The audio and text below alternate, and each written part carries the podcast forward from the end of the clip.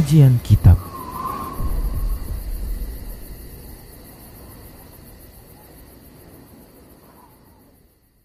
Bismillah, Assalamualaikum warahmatullahi wabarakatuh.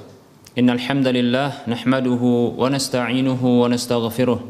Wa na'udzu billahi min shururi anfusina wa min sayyiati a'malina. Man yahdihillahu fala mudhillalah wa man yudlilhu fala hadiyalah وأشهد أن لا إله إلا الله وحده لا شريك له وأشهد أن محمدا عبده ورسوله صلى الله عليه وسلم. قال الله تبارك وتعالى يا أيها الذين آمنوا اتقوا الله حق تقاته ولا تموتن إلا وأنتم مسلمون. يا أيها الناس اتقوا ربكم يا أيها الذين آمنوا اتقوا الله حق تقاته ولا تموتن إلا وأنتم مسلمون.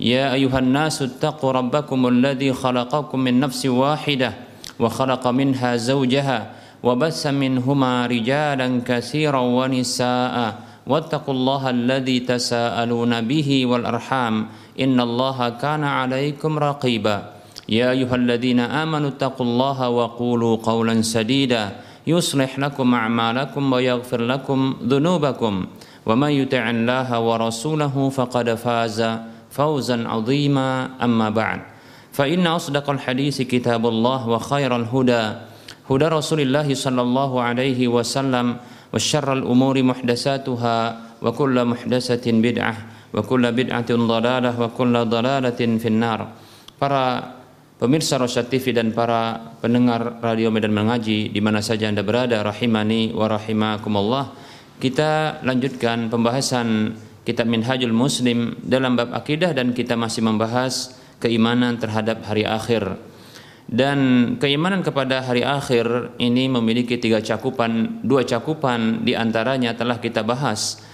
Dan sedikit kita akan menyebutkan dua cakupan yang telah kita bahas itu. Yang pertama adalah beriman kepada kebangkitan. Kemudian yang kedua adalah beriman kepada perhitungan amal serta balasan amal. Berikutnya kita akan bahas yang ketiga adalah beriman dengan surga dan neraka. Para hamba Allah rahimani wa rahimakumullah. Keimanan terhadap surga dan neraka adalah mengimani bahwasanya keduanya merupakan tempat kembali yang abadi kekal selamanya bagi para makhluk. Surga adalah negeri kenikmatan negeri kebahagiaan, negeri harapan bagi setiap insan yang dipersiapkan oleh Allah Subhanahu wa taala bagi orang-orang beriman dan bertakwa. Yaitu orang-orang yang mereka mengimani apa saja yang telah Allah Subhanahu wa taala wajibkan atas mereka untuk mengimaninya. Lalu mereka melaksanakan ketaatan kepada Allah Subhanahu wa taala dan rasulnya dalam kondisi mengikhlaskan ketaatan itu kepada Allah Subhanahu wa taala dan mengikuti rasulnya. Di dalam surga tersebut terdapat kenikmatan-kenikmatan yang tidak pernah dilihat oleh mata dan tak pernah didengar oleh telinga dan tak pernah terbetik dalam dada manusia. Allah Subhanahu wa taala berfirman dalam sebuah hadis kursi a'datu li'ibadiy salihina ma la 'ainun ra'at wa la udhunun sami'at wa la khatara 'ala qalbil bashar. Aku kata Allah Subhanahu wa taala persiapkan untuk hamba-hambaku yang saleh, hamba-hambaku yang saleh surga apa saja yang tidak pernah terlihat oleh mata dan tak pernah terdengar oleh telinga serta tak pernah terbetik dalam dada manusia. Dalam surah As-Sajdah ayat 17 Allah Subhanahu wa taala berfirman A'udzu billahi minasyaitonir rajim. Fala ta'lamu nafsum ma ukhfiya lahum min qurrati a'yun jazaa'an bima kanu ya'malun. Maka jiwa itu tak akan pernah mengetahui apa yang disembunyikan untuk mereka berupa hal-hal yang menyedapkan pandangan mata sebagai balasan terhadap apa yang mereka amalkan di dunia. Demikian pula Allah Subhanahu wa taala berfirman di dalam surah Al-Bayyinah ayat 7 dan 8 Allah mengatakan a'udzu billahi minasyaitonir rajim. Innal ladzina amanu wa 'amilus salihati ulaika hum khairul bariyah. Jazaohum 'inda rabbihim jannatu 'adnin tajri min tahtiha al-anhar khalidina fiha abada radhiyallahu anhum wa radu an dzalika liman khasyiya rabbah. Allah berfirman yang artinya sesungguhnya orang-orang beriman dan orang-orang yang beramal saleh mereka itu adalah makhluk terbaik. Balasan mereka di sisi Rob mereka adalah surga-surga Aden yang mengalir dari bawahnya sungai-sungai. Mereka kekal di dalamnya selama-lamanya. Allah ridho kepada mereka dan mereka ridho kepada Allah. Itulah balasan bagi orang yang takut kepada Robnya Semoga Allah Subhanahu wa taala menjadikan kita orang-orang yang beriman sampai datangnya kematian kepada kita. Semoga Allah Subhanahu wa taala menjadikan kita sebagai orang-orang yang bertakwa yang dijanjikan oleh Allah Subhanahu wa taala berupa surga. Surga yang tak pernah dilihat kenikmatan itu oleh mata, tak pernah didengar oleh telinga dan tak pernah pula terbetik dalam dada manusia. Semoga Allah Subhanahu wa taala memasukkan kita ke dalam surganya tanpa pernah kita mencicipi nerakanya. Semoga Allah Subhanahu wa taala memasukkan kita ke dalam surga tanpa hisab dan tanpa adabnya. Berikutnya para hamba Allah rahimani rahimakumullah, neraka adalah negeri adab, negeri kesengsaraan, negeri siksaan yang Allah Subhanahu wa taala siapkan untuk orang-orang kafir lagi orang-orang zalim yang mereka kufur terhadap Allah Subhanahu wa taala dan menurhakai Allah serta para rasulnya di dalamnya di dalam neraka tersebut terdapat berbagai adab dan berbagai siksa yang tak pernah pula terbayang dalam benak para hamba. Allah tabaraka wa taala berfirman A'udzu billahi minasyaitonir rajim wattaqun naral lati kafirin. Allah berfirman dalam surah Al-Baqarah yang artinya dan takutlah kalian kepada neraka yang dipersiapkan bagi orang-orang kafir. Dan Allah Subhanahu wa taala berfirman dalam surah Al-Kahfi ayat 29 Allah mengatakan a'udzu billahi minasyaitonir rajim. Inna a'tadna lidh-dhalimina naran ahata bihim suradiquha wa iyastaghithu yughasu bima'in kal muhli yashwil wujuh. Bi'sa syarabu wasa'at murtafaqa.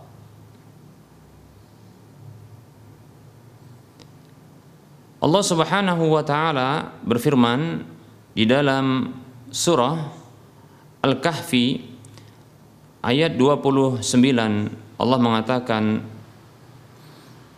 yang artinya dan kami persiapkan. Sesungguhnya kami persiapkan bagi orang-orang zalim itu neraka. Sesungguhnya kami persiapkan kami sediakan neraka itu bagi orang-orang yang zalim yang gejolaknya itu mengepung mereka. Apabila mereka meminta pertolongan itu berupa minuman maka mereka akan diberi minum seperti besi yang mendidih yang menghanguskan wajah, yang merusak wajah. Itulah minuman yang paling buruk dan tempat istirahat yang paling jelek. Semoga Allah Subhanahu wa taala menjauhkan kita dari neraka dan siksaan di dalamnya. Allah Subhanahu wa taala berfirman berfirman di dalam ayat yang lain dalam surah Al-Ahzab ayat 64 dan sampai 66 Allah mengatakan a'udzu billahi minasyaitonir rajim. Innallaha la'ana al-kafirina wa a'adda lahum sa'ira khalidina fiha abada. La yajiduna waliya wala nasira yauma tuqallabu wujuhuhum fin nari yaquluna ya laytana ata'na Allah wa ata'na rasulah Allah Subhanahu wa taala berfirman dalam surah Al-Ahzab ayat 64 sampai 66 yang artinya sesungguhnya Allah Subhanahu wa taala mengutuk orang-orang kafir dan menyiapkan untuk mereka neraka yang menyala-nyala. Mereka kekal di dalamnya selama-lamanya. Mereka tidak mendapatkan pelindung dan penolong sedikit pun. Di hari di mana wajah-wajah mereka dibolak-balikkan dalam neraka mereka mengatakan andaikan dahulu kami taat kepada Allah dan taat kepada Rasulnya. Semoga Allah subhanahu wa ta'ala melindungi kita dari neraka beserta dengan adabnya. Semoga Allah subhanahu wa ta'ala menjauhkan kita dari siksa neraka. Semoga Allah Subhanahu wa taala tak pernah memasukkan kita ke dalam neraka. Amin ya rabbal alamin. Para hamba Allah rahimani wa rahimakumullah. Beriman kepada hari akhir diiringkan dengannya keimanan yang lainnya yaitu mengimani apa saja yang terjadi setelah kematian. Jadi keimanan terhadap apa saja yang terjadi setelah kematian ini merupakan keimanan yang diiringkan kepada keimanan kepada hari akhir. Karena keimanan setelah kematian yaitu alam barzakh. Nah, ini merupakan alam transisi dari dari alam dunia menuju alam akhirat. Baik para hamba Allah rahimani wa rahimakumullah. Di antara keimanan terhadap apa saja yang terjadi setelah kematian adalah yang pertama keimanan kepada fitnah kubur.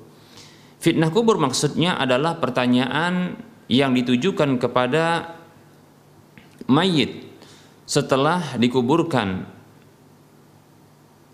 atau setelah kematian yaitu pertanyaan tentang rob robnya agamanya dan nabinya. Adapun orang-orang yang beriman, maka Allah Subhanahu wa taala kokohkan mereka dengan jawaban yang tepat dan kokoh. Maka orang yang beriman ini akan mengatakan, Rabbi Allah, Rabbku adalah Allah, wa diniyal Islam, agamaku adalah Islam, wa nabiyyi wa nabiyyi Muhammadun sallallahu alaihi wasallam dan nabiku adalah Muhammad sallallahu alaihi wasallam. Semoga Allah Subhanahu wa taala menjadikan kita orang-orang beriman, orang-orang yang dikokohkan oleh Allah Subhanahu wa taala untuk bisa menjawab pertanyaan mungkar dan nakir dengan jawaban yang benar. Adapun orang-orang yang zalim, orang-orang yang kafir, maka ketiga pertanyaan tersebut tentang siapa Rabbmu, apa agamamu dan siapa nabimu maka mereka orang-orang kafir orang-orang zalim itu akan mengatakan haha la adri aku tidak tahu. Adapun orang-orang yang munafik orang-orang yang ragu-ragu dalam agama mereka mereka mengatakan la adri sami'tu nasa yaquluna syai'an faqultuhu. Aku tidak tahu. Aku mendengar orang-orang mengucapkan sesuatu lalu aku pun mengucapkannya. Baik para hamba Allah rahimani wa rahimakumullah. Ini adalah di antara bentuk keimanan terhadap apa saja yang terjadi setelah kematian. Yaitu beriman kepada fitnah kubur, yaitu ujian atau pertanyaan yang diajukan kepada si mayit setelah dikuburkan. Baik para hamba Allah rahimani wa rahimakumullah. Berikutnya yang kedua yang termasuk keimanan setelah ya ke keimanan terhadap apa saja yang terjadi setelah kematian adalah keimanan terhadap azab dan nikmat kubur. Nikmat kubur itu diperuntukkan bagi orang-orang yang beruntung, orang-orang mukmin, orang-orang yang jujur di dalam iman mereka. Allah Subhanahu wa taala berfirman di dalam surah Fusilat ayat 41 Allah mengatakan A'udzu billahi minasyaitonir rajim Innal ladzina qalu rabbuna Allahu thumma istaqamu tatanazzalu alaihimul malaikatu alla takhafu wa la tahzanu wa abshiru bil jannati allati kuntum tu'adun. Allah Subhanahu wa taala berfirman sesungguhnya orang-orang yang mengatakan Rabb kami adalah Allah Tuhan kami adalah Allah. Kemudian mereka istiqamah menjalankan ketaatan kepada Allah Subhanahu wa taala, menjauhi segala larangan Allah Subhanahu wa taala, maka turunlah kepada mereka para malaikat sembari mengatakan Janganlah kalian merasa khawatir dan janganlah kalian merasa sedih. bergembiralah kalian dengan surga yang dahulu kalian dijanjikan dengannya. Dalam ayat yang lain Allah Subhanahu wa taala berfirman yaitu dalam surah Al-Waqiah ayat 83 sampai 89. Allah Subhanahu wa taala berfirman A'udzu billahi minasyaitonir rajim falawla idza balagatil hulqum wa antum hina idin tanzurun wa nahnu aqrabu ilaihi minkum walakin la tubsirun falaula in kuntum ghaira madinin tarji'unaha in kuntum sadiqin. Fa amma in kana minal muqarrabin farauhu wa raihanu wa jannatu na'im. Allah berfirman dalam surah Al-Waqi'ah.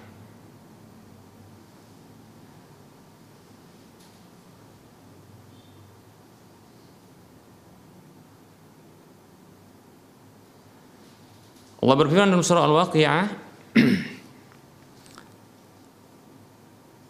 yang artinya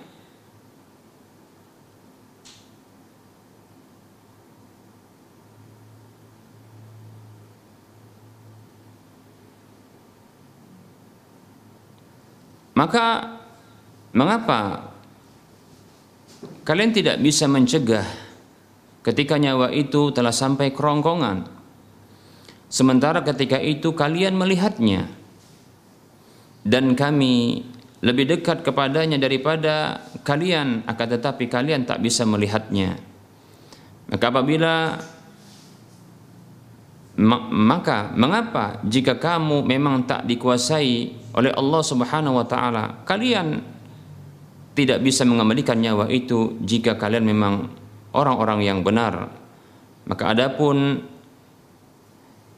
orang yang wafat tersebut termasuk orang-orang yang didekatkan kepada Allah Subhanahu wa taala, maka dia itu mendapatkan ketentraman serta rezeki begitu juga surga yang penuh dengan kenikmatan. Baik para hamba Allah rahimani wa rahimakumullah. Semoga Allah Subhanahu wa taala menjadikan kita termasuk orang-orang yang jujur dalam keimanan, orang-orang yang beriman sehingga kita bisa mendapatkan kenikmatan kenikmatan di alam kubur setelah kematian. Dalam sebuah hadis yang diriwayatkan oleh Imam Ahmad Abu Daud dan yang lainnya dalam hadis yang panjang dari sahabat Barak bin Azib radhiyallahu anhu bahwa Nabi Shallallahu alaihi wasallam pernah bersabda tentang orang beriman apabila telah berhasil menjawab pertanyaan mungkar dan nakir dalam kuburnya. Maka ketika itu yunadi munadin minas samai ada penyeru dari langit yang mengatakan an sadaqa abdi sungguh benar hambaku fa'afrishuhu minal jannati maka bentangkanlah firos ya untuknya dari surga yaitu bentangkanlah ya tempat tidur atau tempat e, istirahat ya permadani dari surga untuknya. Wa albisuhu minal jannati dan pakaikanlah untuknya pakaian dari surga. Waftahu lahu baban ilal jannati dan bukakanlah untuknya satu pintu menuju surga. Qala maka Rasul mengatakan fayatihi min rauhiha wa tibiha. Maka datanglah kepadanya dari hembusan ya anginnya dan aroma surga tersebut. Wa yufsahu lahu fi qabrihi madda basarihi. Dan dibukakan atau di, diluaskan untuknya dalam kuburnya sejauh mata memandang. Baik para hamba Allah rahimani wa Ini balasan bagi orang-orang yang jujur dalam keimanan mereka, dalam kehidupan dunia mereka. Maka setelah kematian mereka, mereka mendapatkan nikmat-nikmat setelah kematian di alam kubur mereka. Semoga Allah Subhanahu wa taala menjadikan kita seperti mereka. Termasuk ke dalam golongan orang-orang beriman yang jujur dalam keimanan. Adapun azab kubur Semoga Allah Subhanahu wa taala melindungi kita dari adab kubur. Itu diperuntukkan bagi orang-orang zalim, lagi orang-orang munafik serta orang-orang kafir. Allah Subhanahu wa taala berfirman di dalam surah Al-An'am ayat 23 A'udzu billahi minasyaitonir rajim walau tara idzal zalimuna fi ghamaratil mauti wal malaikatu basitu aydihim akhriju anfusakum al yawma tujzauna adzabal huni bima kuntum taquluna 'ala Allahi ghairal haqqi wa kuntum an ayatihi tastakbirun. Allah berfirman yang artinya andaikan engkau melihat orang-orang orang-orang zalim itu tatkala orang-orang zalim itu dalam kondisi sakaratul maut sementara para malaikat membentangkan tangan-tangan mereka sembari mengatakan keluarkanlah ya jiwa kalian itu. Di hari kalian dibalas dengan adab yang menghinakan terhadap apa yang dahulu kalian katakan terhadap Allah tanpa hak dan dahulu terhadap apa yang kalian sombong terhadap ayat-ayatnya. Enggan terhadap ayat-ayatnya. Dan Allah Subhanahu wa taala berfirman tentang Fir'aun di dalam surah Ghafir ayat 44 Allah mengatakan a'udzu billahi minasyaitonir rajim. An-naru yu'raduna 'alaiha ghuduwa wa 'ashiya wa yauma taqumu sa'atu adkhilu ala fir'auna asyaddal adab. Allah berfirman tentang Fir'aun dan bala tentaranya. Neraka neraka akan ditampakkan kepada mereka, akan dihadangkan, akan ditampakkan, ya dihidangkan kepada mereka, ya.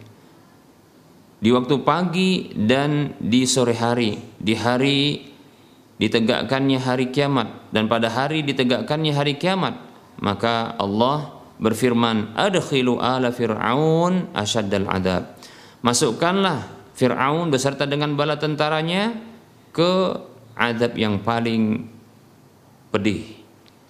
Para hamba Allah rahimani wa rahimakumullah. Semoga Allah subhanahu wa ta'ala melindungi kita dari adab kubur dan adab neraka.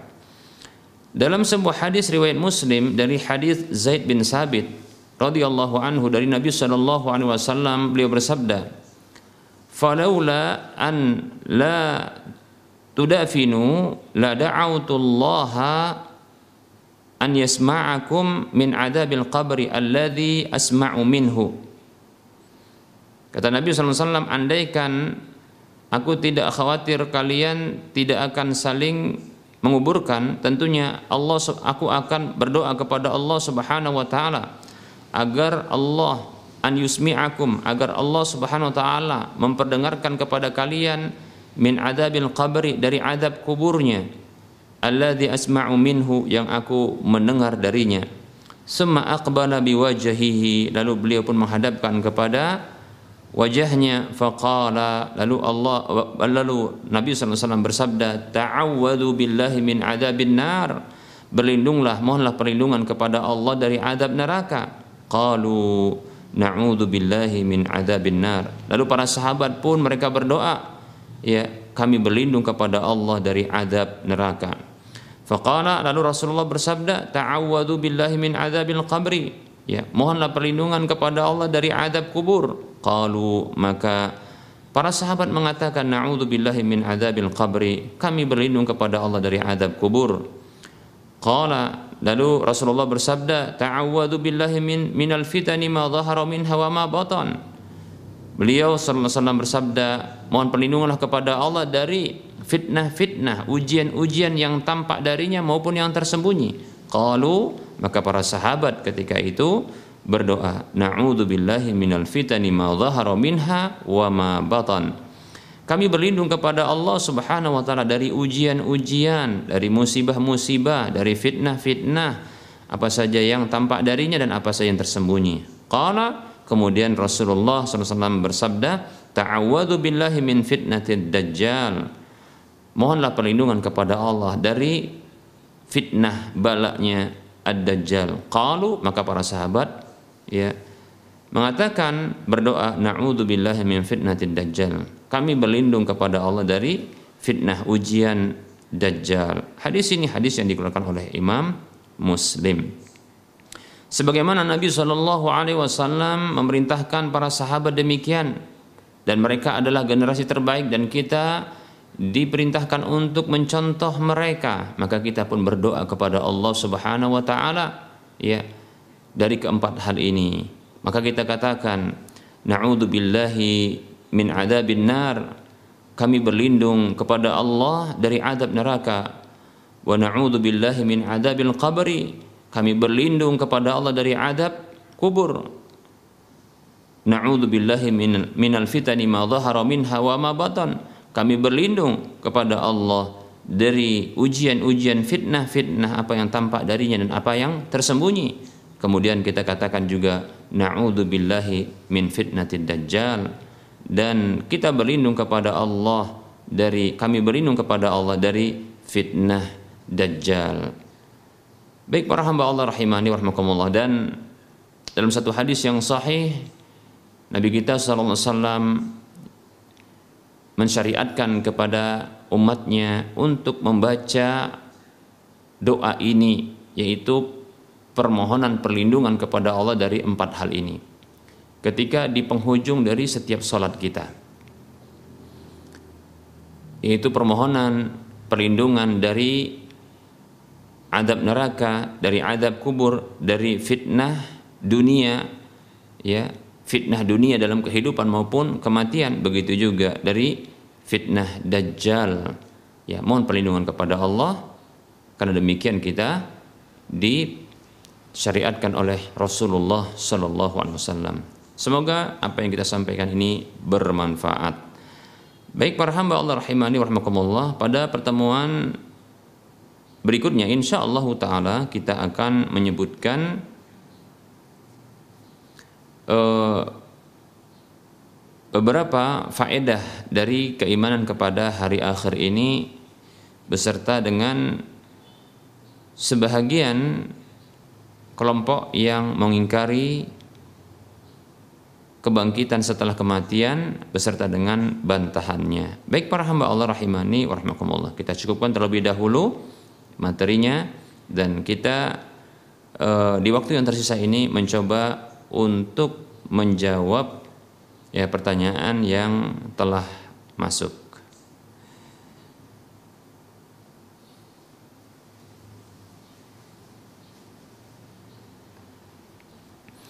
Baik para hamba Allah rahimani warahmatullah ada pertanyaan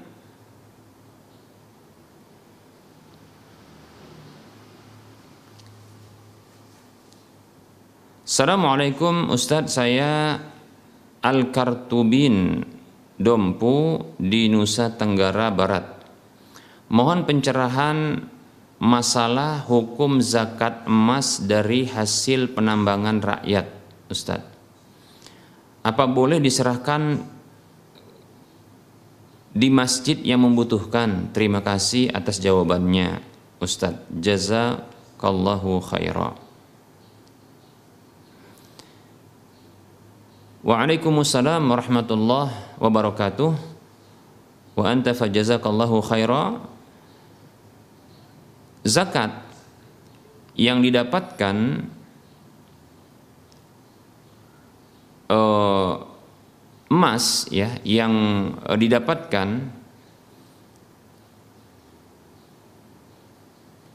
dan dikumpulkan dikoleksi dari penambangan maka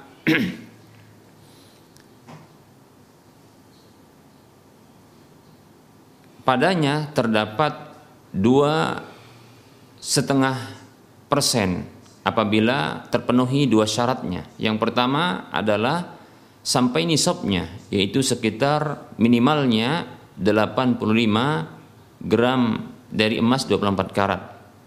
Kemudian telah berjalan berlalu ya satu tahun. Itu syarat yang kedua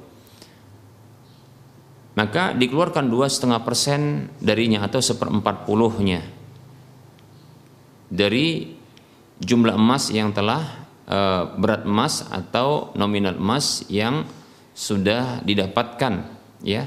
Didapatkan ya dikoleksi ketika itu. Namun e, ini apabila emas tersebut dikoleksi ya didapatkan. Baik para hamba Allah rahimani warahmatullah. Namun apabila emas tersebut diperjualbelikan, ya, diperjualbelikan, maka di sini yang terjadi adalah ya bukan zakat emas tapi zakat perniagaan. Ya, zakat perniagaan. Namun sama saja karena zakat perniagaan ini adalah bahagian ya eh, dari zakat emas dan perak. Lebih-lebih di sini adalah yang diperdagangkan adalah emas demikian ya yang didapatkan. Apabila begitu ya ditambang kemudian didapatkan emas tersebut kemudian dijual maka setiap laku dari emas tersebut ya dalam setahun dan tentunya e, terpenuhi dua syarat yang seperti kita sebutkan yaitu syarat nisab yaitu minimalnya 85 gram ya 85 gram berjalan dalam setahun seperti ini ya maka apabila lebih tentunya kelebihan juga dimasukkan dihitung demikian jika dalam setahun tersebut ternyata didapatkan ya kita katakan contohnya 500 gram ya penjualan emas tersebut maka 500 gram tersebut ya diambil darinya dua setengah persennya ya atau seperempat puluhnya kemudian dizakati. Adapun arah dari e, zakat atau pihak yang berhak untuk menerima zakat adalah e, sebagaimana yang disebutkan oleh Allah Subhanahu wa taala dalam surah atau bah ayat 60 itu hanya terbatas kepada 8 asnaf ya Allah Subhanahu wa taala berfirman, "A'udzu billahi minasyaitonir rajim. Innamas shadaqatu lil fuqara'i wal masakini wal 'amilina 'alaiha wal mu'allafati qulubuhum wa fir riqabi wal gharimin wa fi sabilillahi wa banis sabil fariidatan minallah." Sesungguhnya sedekah-sedekah wajib itu yaitu zakat di antaranya adalah ditujukan untuk orang fakir, miskin, kemudian amil zakat, kemudian ya muallaf ya orang yang dilunakkan hatinya kemudian orang yang dalam proses pembebasan budak kemudian orang yang berhutang orang yang eh, perang dalam eh, fisabilillah peperangan dalam fisabilillah berperang di jalan Allah. Kemudian berikut yang terakhir adalah orang yang dalam perjalanan yaitu safar yang terputus bekalnya. Baik. Adapun masjid maka kita katakan eh, Bila dia berupa bangunan maka tidak dibolehkan zakat ya baik itu zakat harta maupun zakat jiwa itu diarahkan kepada e, masjid. Karena dia berupa fisik dan bangunan. Sementara zakat ini ditujukan untuk pihak-pihak yang mereka ini adalah manusia demikian ya manusia bukan dia berupa e, lembaga atau kita katakan bangunan seperti itu. Namun apabila dimaksudkan ya diarahkan ke masjid maksudnya adalah pihak masjid yang akan mendistribusikan penyaluran zakat tersebut kepada pihak yang e, berhak ya seperti contohnya kepada fakir miskin maka ini sesungguhnya sedang mewakilkan ya panitia yang ada di masjid tersebut untuk menyalurkan kepada yang berhak demikian maka ini dibolehkan seperti itu namun apabila digunakan ya Eh, zakat itu diarahkan untuk masjid dan digunakan untuk pembangunan masjid, kemudian operasional masjid. Begitu juga barangkali untuk fasilitas masjid, maka ini tidak dibenarkan, ya. Ini tidak dibenarkan karena ini mengarahkan zakat bukan kepada yang berhak. Demikian. Bila ingin, maka kita katakan arahkan saja ya sebagian infak ya dan sedekah kita dari pendapatan e, penambangan emas tersebut kepada masjid yang ada bukan dari zakat ya emas tersebut demikian wallahu taala a'lam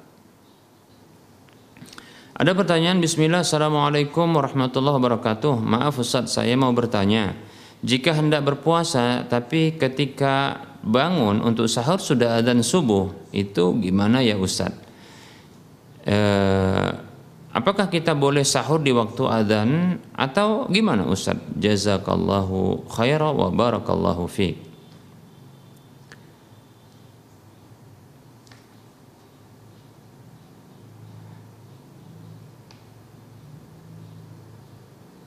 Waalaikumsalam warahmatullahi wabarakatuh.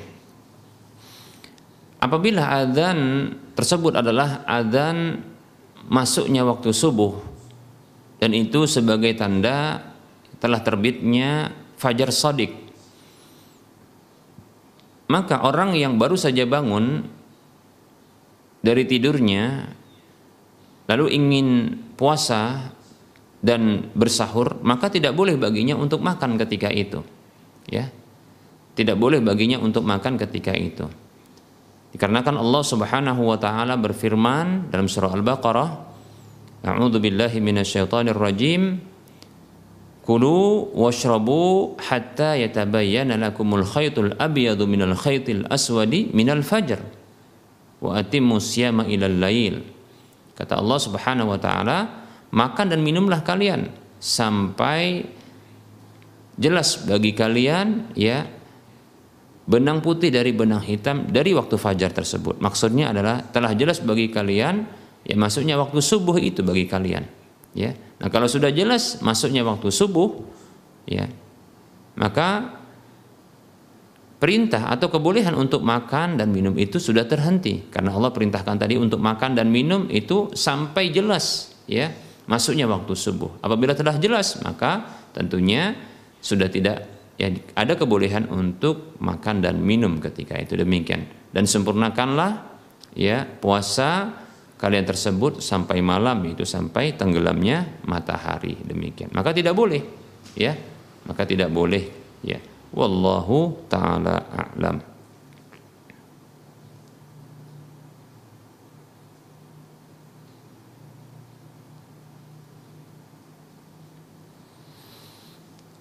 Ada pertanyaan Bismillah Ustadz Apakah termasuk mendolimi istri ketika uang belanja bulanan istri saya ambil untuk keperluan orang tua saya tanpa sepengetahuan istri?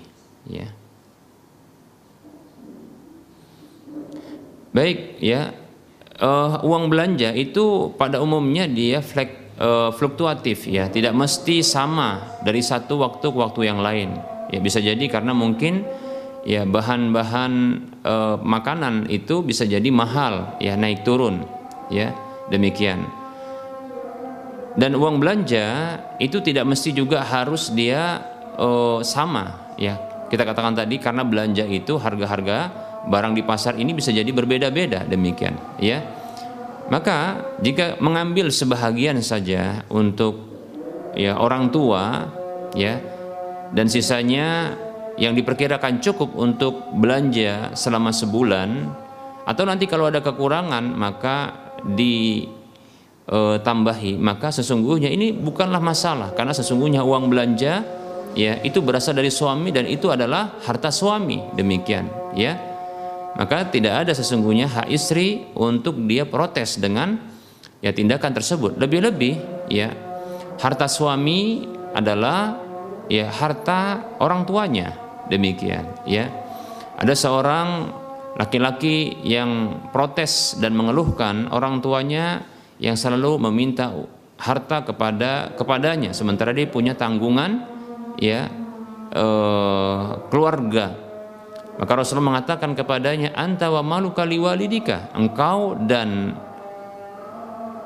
hartamu adalah milik orang tuamu. Demikian para hamba Allah rahimani maka tidak masalah bukan merupakan dosa ya ya kalau kurang yang jelas kewajiban bagi uh, sang suami tersebut untuk menambahinya ya demikian wallahu taala a'lam Baik, barangkali ini saja yang bisa kita sampaikan materi uh, pada pertemuan kali ini. Insya Allah Taala kita akan lanjutkan pada pertemuan mendatang.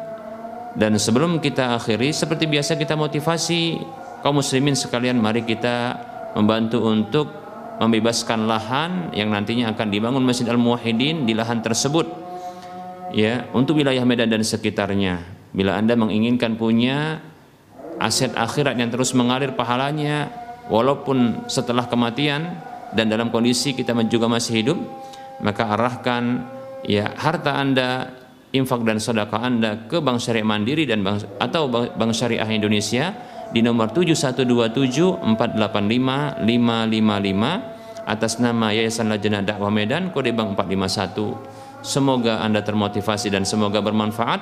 Wassallallahu ala Muhammad wa ala alihi wa ashabihi ajma'in. Subhanakallahumma wa bihamdika asyhadu an la ilaha illa anta astaghfiruka wa atubu ilaika walhamdulillahi rabbil alamin. Wassalamualaikum warahmatullahi wabarakatuh.